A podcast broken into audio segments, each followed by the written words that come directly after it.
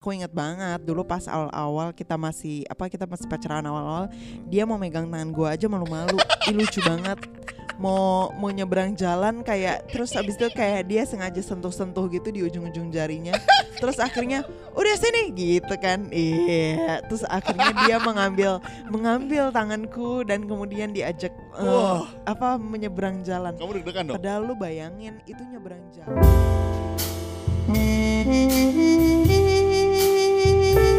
Beb,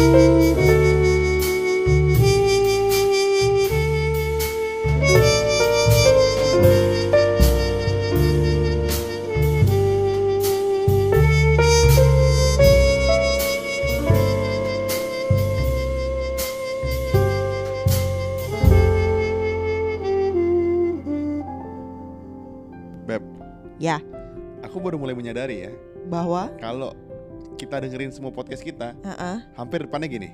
Beb, Oh iya, ulang lagi, ulang lagi, ulang lagi, ulang lagi. Kalau gitu beda deh. Apa? dan- iya dong. Say, Ya. nah gitu, misalnya gitu ya. Enggak, jadi maksudnya atau itu jadi trademark kita ya? Enggak, aku kan dengerin semua. Beb, hari ini biasa depan Enggak, itu artinya mm, apa balance keluarga kita bagus. Hah? Tahu nggak kenapa? Enggak. Karena berarti kan pria itu maju duluan. Pria itu imam keluarga, Beb. Oh, I see. Jadi Iya, memang jadi dia harus memulai duluan. Iya, jadi aku harus nggak mungkin kamu yang duluan Beb gitu. menginisiasi, I iya see. betul. Oke, oke. Nah, teman-teman, hari ini kita pengen bahas topik kita tidak kepikiran topik aja. Heeh, Eh, ada ada DM yang masuk gitu ya. Eh, jadi kita tuh pernah bahas topik soal move on dari keluarga. betul. Terus Move on from your past. Iya iya Ya. iya, move, move on from your past. Nah terus eh, ada yang DM ngobrol gini, kak saya punya pengalaman yang sama. Terus eh, apakah eh, kapan saya harus bilang ke pasangan saya tentang masalah keluarga saya? Gitu, Oke. dia bilang gitu. Yes. Terus, terus kita jadi kepikiran, sebetulnya banyak banget boundaries yang kalian nggak perlu bilang ke pasangan kalian ketika kalian masih pacaran, terutama waktu masih boundaries pacaran. yang nggak perlu Boundaries yang kalian perlu pasang gitu kali. Iya ya. iya iya. Kamu ka- eh, Inggrisnya gi- gini, eh, Inggrisnya kurang pintar. eh, Padahal dong. katanya ba- udah baca buku sering. Tunggu tunggu gini dong gini dong. Kamu tuh kalau sama suami harus support. Jadi jangan bikin aku seolah jadi Oh, justru- nggak bagus. Justru aku support supaya kamu makin bener. Tapi supportnya di di publik gitu ya. Nah ini juga salah satu yang nggak bagus sih sebenarnya. Masa support di belakangnya, support di publik dong, Beb. Eh, nah teman-teman kita mau bahas soal sebetulnya boundaries apa yang kalian mesti set ketika kalian masih pacaran dan satu tahap yang lebih tinggi setelah pacaran, Hmm, yaitu tunangan Betul. atau Pacaran atau- yang lebih serius. lah. atau lebih serius lah gitu kita nggak tahu hubungan kalian gimana kan atau mungkin tradisi keluarga tuh gimana tapi ada batasannya sebetulnya Mm-mm. nah Beb dari kamu Beb batasan pertama apa yang mesti dilakuin Menurut aku batasan yang harus dilakukan itu dalam aspek finansial, keuangan. Itu mesti banget ada batasannya. Eh, terutama ketu- ketika masih awal-awal pacaran gitu dan salah satunya itu dalam hal kayak misalnya nomor. Hah? maksudnya kayak ngasih tau income gitu Iya ngasih tahu income atau ngasih tahu jumlah tabungan, ngasih tahu kayak em, apa ya, lu punya aset ada berapa di bank Oh, gitu. anjay. Itu kayaknya kayaknya belum belum perlu deh di awal-awal pacaran gitu. Kenapa Beb bukannya harusnya dia tahu semuanya maksudku kan kenapa kenapa malah nggak boleh Loh dikasih tahu? iya dia harus tahu semua, tapi waktunya bukan di awal pacaran dong. Hmm. Awal pacaran ya waktunya kalian mengenal satu sama lain, bukan mengenal Tabungan ada apanya. iya gitu kan. Loh, Kalau Beb. enggak enggak enggak enggak enggak pure dong. Bisa aja kan itu bisa menjadi salah satu kayak daya tarik ya kalau buat Perempuan. orang-orang misalnya gue nggak bilang perempuan Nggak, ya. ber- berarti Karena konteksnya gua perempuan dong ini karena gue perempuan tapi gue nggak tertarik banget sama kayak gituan. gitu. sombong Loh, orang kaya ya loh berkaca pada pengalaman kita berdua dong, Beb. Oh iya iya iya. iya. eh, a- aku tuh eh, tertarik. Eh, jadi kan sebetulnya ketika pacaran itu, kenapa sih nggak nggak perlu nge-share gini-gini? Kalian tuh masih terbuka secara finansial, tapi step by step. Betul. Jadi nggak mungkin pacaran sebulan kalian cerita, eh, gue tuh punya deposito segini, tabungan gue tuh segini. Menurut gue tidak pada porsinya gitu. betul, betul. Tapi kalau kalian pacaran udah setahun, kan berarti udah sering jalan kan, Mm-mm, udah tahu gaya hidup kan, betul. terus udah tahu kerja di mana atau apanya berapa udah dua Betul. tahun misalnya juga itu kan kalian mesti tahu gimana dia ngelola finansialnya mereka Exactly, gitu jadi betul. bukan bukan bukannya kita bilang kalian nggak boleh terbuka tapi memang ada hal yang tidak perlu awal-awal, Exactly, bener. iya kan?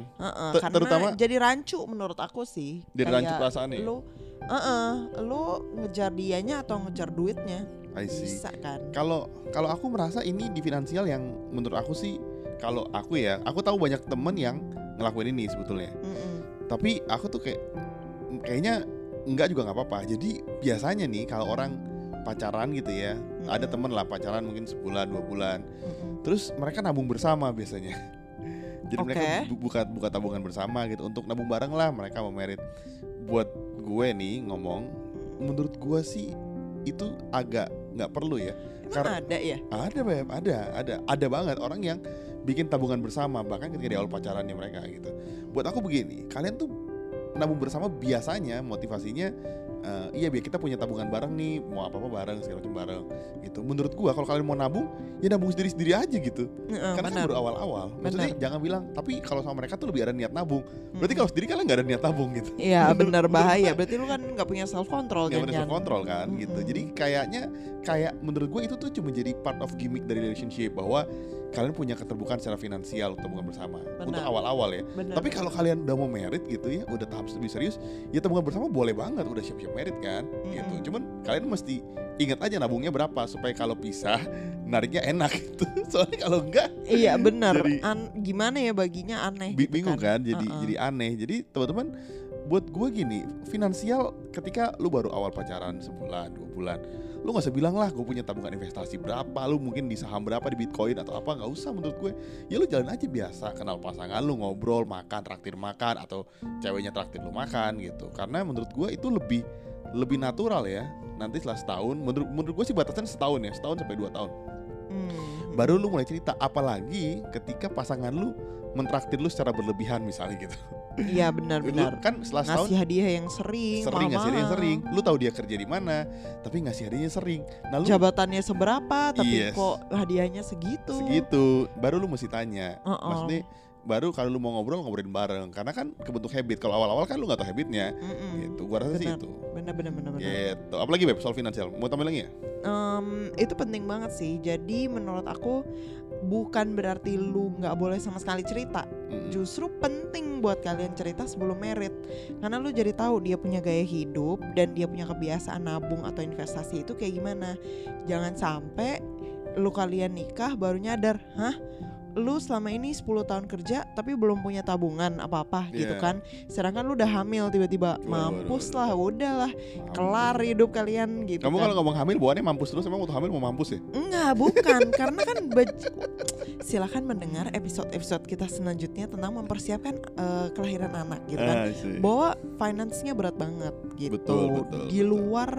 Bahkan di luar kita punya ekspektasi ya ternyata jauh ya gede banget gitu Gede kan. banget. Hal banyak hal-hal yang sebelumnya kita nggak kehitung ternyata penting juga gitu kan. Kayak bantal peyang lah, apalah gitu kan eh bantal peyang jangan beli ya gengs itu mahal nggak ada mahal gunanya tuh banget nggak ada gunanya iya kan anyway gitu jadi maksudku penting banget buat bicara tentang hal finansial tapi nantilah ketika lo udah serius um, as- at least lebih serius ketika nanti um, sudah mendalami ya setahun oke Yes, lah yes, dua tahun juga oke sih buat aku gitu. Karena kalau setahun biasanya baru muncul berantem tuh. Belum kayak belum belum dapat sweet spotnya Wajah, menurut aku. wajah. Hah? biasa setahun itu sweet, baru sweet spot? Iya belum maksudnya kalian tuh belum belum dapat kayak hmm, apa ya istilahnya ya kayak eh, cara resolve konflik gitu. Karena setahun tuh biasa baru muncul berantem Iya, iya. gitu eh kalau menurut aku sih eh, dua tahun juga nggak apa-apa baru diomongin finansial Nah, oke. Terus yang kedua, kita mau bahas soal apa yang nggak perlu diceritain ke pasangan kalian waktu kalian pacaran, terutama waktu kalian baru pacaran.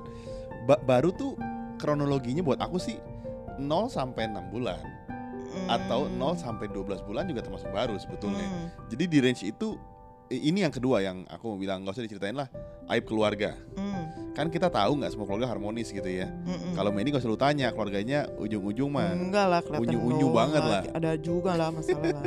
Nah jadi kadang-kadang kan kita tahu keluarga tuh nggak semuanya perfect. Mm-mm. adalah yang keluarganya nggak harmonis atau keluarganya sebetulnya udah tidak pernah orang tuanya nggak pernah ngobrol lagi cuman syarat aja ada yang gitu Ya, ya betul ada yang betul. kelu- keluarganya broken home jadi teman-teman kalau kalian lihat gitu ya banyak keluarga yang lamaran dateng ketawa-ketawa padahal deep down di dalamnya tuh enggak Betul. karena gue exactly. tahu keluarga gue gitu keluarga teman-teman gue juga gitu waktu lamaran atau apa kan gue lihat gitu jadi sebenarnya banyak banget hal-hal yang di keluarga mungkin kalian nggak lihat nah menurut gue itu nggak usah diomongin awal-awal Exactly. karena sering kali nih awal-awal pacaran ya sebelum kalian mau serius ya orang mau tahu tuh bukan karena dia mau nolong karena dia pengen tahu aja gitu apa iya, yang iya, terjadi. iya betul betul. Gitu. Jadi- Kepo doang. kepo doang gitu. Jadi maksudnya nanti ketika cerita ngobrol ternyata kalian belum deket banget hatinya belum bareng banget untuk mau bareng nanti jadi omongan ke keluarga lu lu, lu cerita ke orang tua lu orang tua bilang ih kok keluarganya gitu sih? gitu. Benar, padahal dia nggak tahu konteksnya. Benar. padahal dia nggak tahu apa yang terjadi gitu. Dia nggak tahu gimana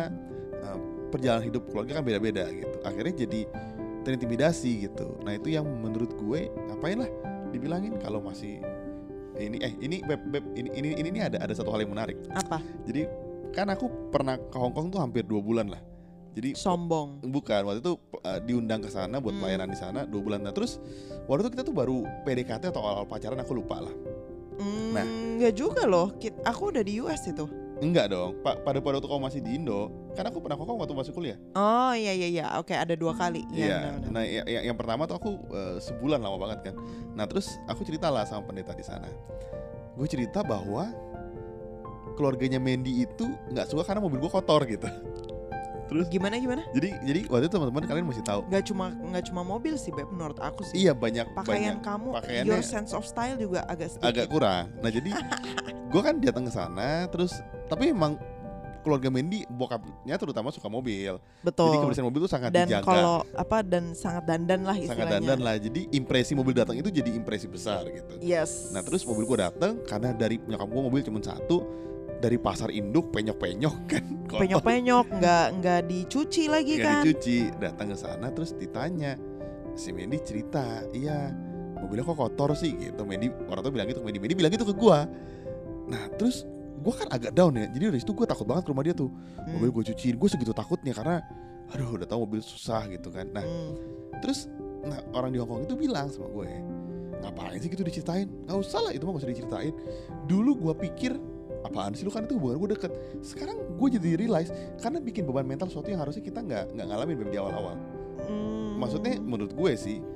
Bukan beban mental sih, tapi sesuatu yang kayak belum belum saatnya kali ya untuk dibicarain. Karena em, kalau misalnya ternyata lo punya PDKT-an atau pacar itu nggak serius itu jadi bisa jadi gosip menurut aku dan jadi dia bisa presiden jadi buruk juga Iya, dia bisa jadi cerita ke sahabatnya dan dia jadi ngejelekin lo gitu loh. Kalau Bisa juga misalnya kan. dia nggak nggak purely memang mau mengenal kamu gitu loh ya. betul Tapi betul, masih kayak nyoba-nyoba testing the waters gitu, masih awal-awal pacaran gitu. betul Terus lu udah cerita sampai dalam banget gitu kan, udah udah sampai segitu trustnya gitu kan. Justru nanti jadi backfire dan dia jadi cerita jelek-jelek gitu ke orang lain. Kan kan siapa tahu ya kita harus Benar. kadang-kadang kita harus jaga juga kita punya diri dan kita punya em, apa ya kita punya keluarga lah istilahnya gitu. Nah itu itu yang yang kita mau angkat. Karena kadang-kadang kadang-kadang kan baru awal-awal tuh kalian belum mengenal keluarganya dia.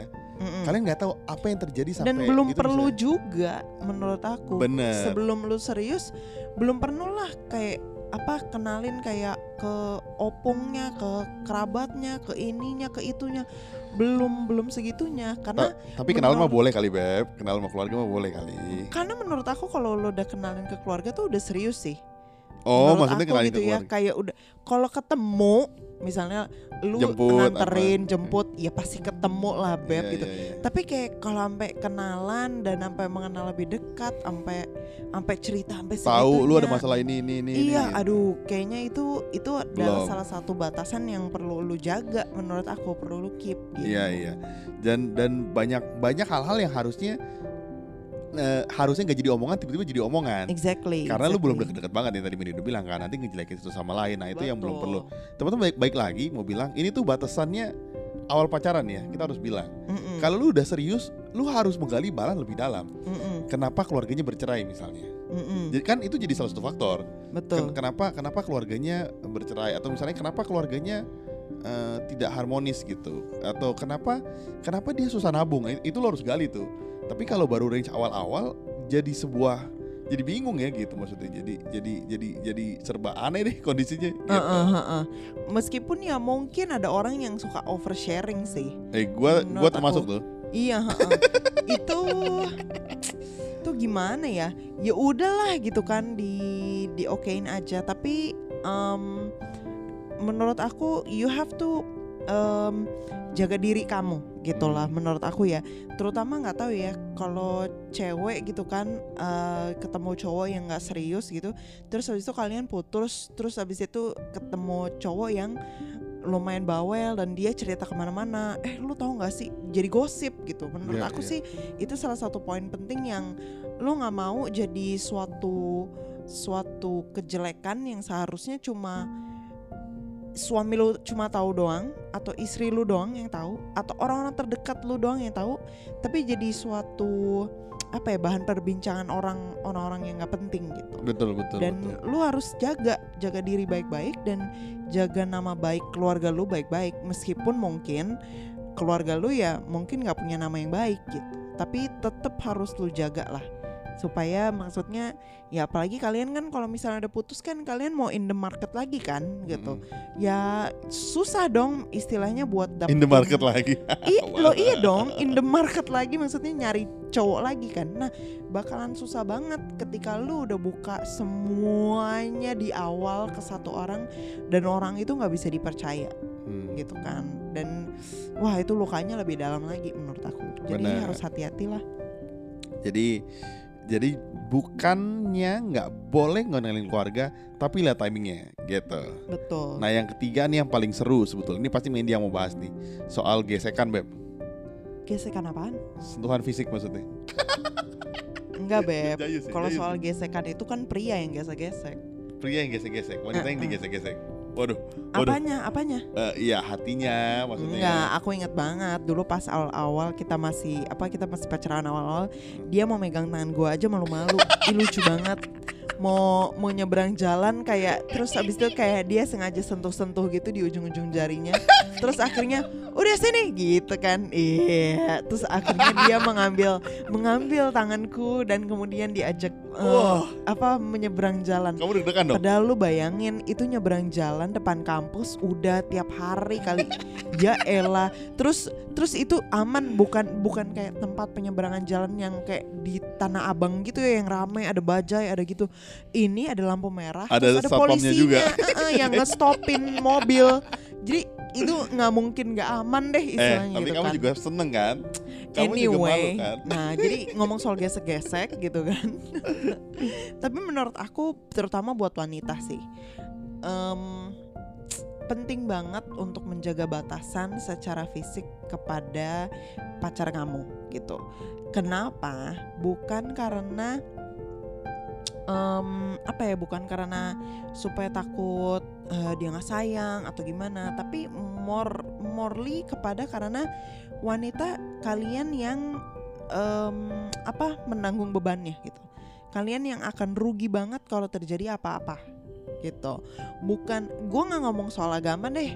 Itu agama ya udahlah kepercayaan kalian masing-masing ya gitu cara kan. pandangnya beda-beda Kalau misalnya dari aku ya aku me- apa menganut agama Kristen dan kita menganggap bahwa ya apa seks itu cuma pada saat marital gitu kan. Tapi Hmm. more so ketika kalian misalnya melakukan hal-hal yang di luar tersebut terus tiba-tiba hamil misalnya itu yang rugi cewek.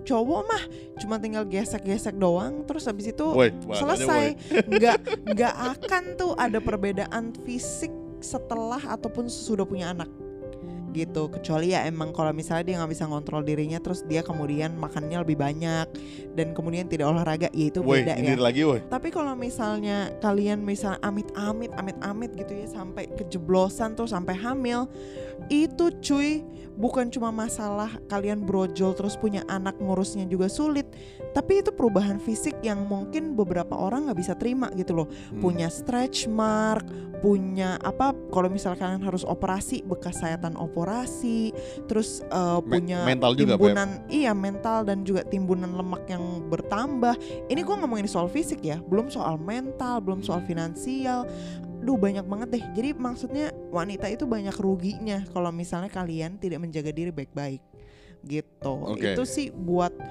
apa ya yang hardcore kali ya, sampai sampai kejeblosan gitu kan. Hmm. Mungkin kalau soal Budi bisa eh, sharing soal fisik-fisik yang lain mungkin Beb, gesekan-gesekan yang mungkin enggak. tidak sampai ke eh, intensitas yang terlalu dalam. Enggak, tunggu, tunggu. Ini aku mau nanya karena karena kalian mesti dengar karena yang ngomong si perempuan. Beb, menurut kamu setelah fisik itu sejauh mana kalau pacaran? Maksudku gini, ini aja itu nggak boleh. Kita nggak ngomong teman-teman kita tahu prinsip kalian beda-beda. Kita juga beda-beda. Maksudnya ini dari pandangan kita mau ngasih tahu kayaknya ini cukup deh kalau buat kita. Menurut kamu apa batas-batasannya? Mana yang boleh, mana yang enggak? Langsung aja, Beb. Kalau menurut kita. Hmm, susah nih, ini susah banget. Emang emang susah kan kamu dosen. Ngasih masih susah susah. Karena misalnya gue ngomong, misalnya nih em, ciuman, Hmm, ciuman yang kayak gimana yang boleh misalnya. hmm. Kan ada yang ciuman kayak, oke thank you ya, bye Han, muah muah, Hmm, udah gitu kan. hmm. Ada juga yang kayak, "Eng, ting, ting, ting, ting." Ah, iya kan. Ada yang gitu, ada yang ciumannya lebih dalam, ada Yoi. yang sampai mengeksplorasi seluruh anatomi organ dari mulut itu kan. Jadi maksud gue Iya, iya, ciuman iya. ciuman kayak gimana gitu kan susah juga. Terus ciuman ciuman di mana tempatnya? ya kan? Ah, iya, iya. Nah, ciuman misalnya em, di kondangan sama ciuman pada saat di apartemen berdua doang abis nonton film mesra-mesraan sambil matiin lampu kan beda ya. Waduh, waduh, waduh. Itu suasananya kan. Kok kamu Jadi- jadi eh tunggu tunggu tunggu Beb. Kok kamu jadi ke bawah suasana gitu Beb? Ngomongnya Beb. Excited Enggak. kayaknya Beb. Enggak maksud gue, maksud gue adalah gini. Em, penting banget juga menurut aku untuk punya satu orang yang bisa lu bisa jadi kayak kiper buat kalian berdua. Hmm. Jadi misalnya nih kalian mau ngedate berdua nih ya, terus em, ke bioskop lah sampai malam misalnya gitu kan, atau dinner sampai malam gitu kan. Nah, make sure kalian punya satu temen atau satu kakak rohani misalnya gitu kan, atau Saudara, saudara atau gitu boleh. ya, yang bisa jadi kiper kalian. Artinya gimana? Misalnya jam 10 nih atau jam 11 dia teleponin kalian, "Hey, kamu udah pulang belum? Kalian lagi ngapain?" gitu. Jangan sampai tutup telepon ataupun jangan sampai kalian berhenti ngomong sampai kamu udah berpisah dengan pacar kalian. Jadi istilahnya kalau misalnya ada orang yang manggilin atau nelpon, kan akhirnya yang akhirnya mau ting ting ting ting ting anggur gitu-gitu kan jadi ilfeel gitu kan. Hmm. Karena ada orang nih yang jadi kiper. Nah, ada baiknya kalau misalnya kalian punya seseorang yang bisa menjaga akuntabilitas kalian sebagai pasangan. Itu menurut aku penting banget. Jadi bukan kepada batasan fisik sampai mana, tapi ada orang yang berani membatasi kalian punya waktu ataupun kesempatan-kesempatan itu gitu lah. Itu sih menurut aku. Jadi kalian tahu gak kenapa Mandy ngomong gitu dan gue setuju Karena sering kali kalau kita udah berduaan kita nggak tahu batasannya bener. Kita tuh bohong lah lu Iya. bilang ah kita nanti aja deh Iya, ciumannya iya, pada iya. saat merit aja gitu. Iya. Nggak Jadi- mungkin lu bisa tahan, percayalah. Iya karena pengalaman pribadi juga iya bener lah.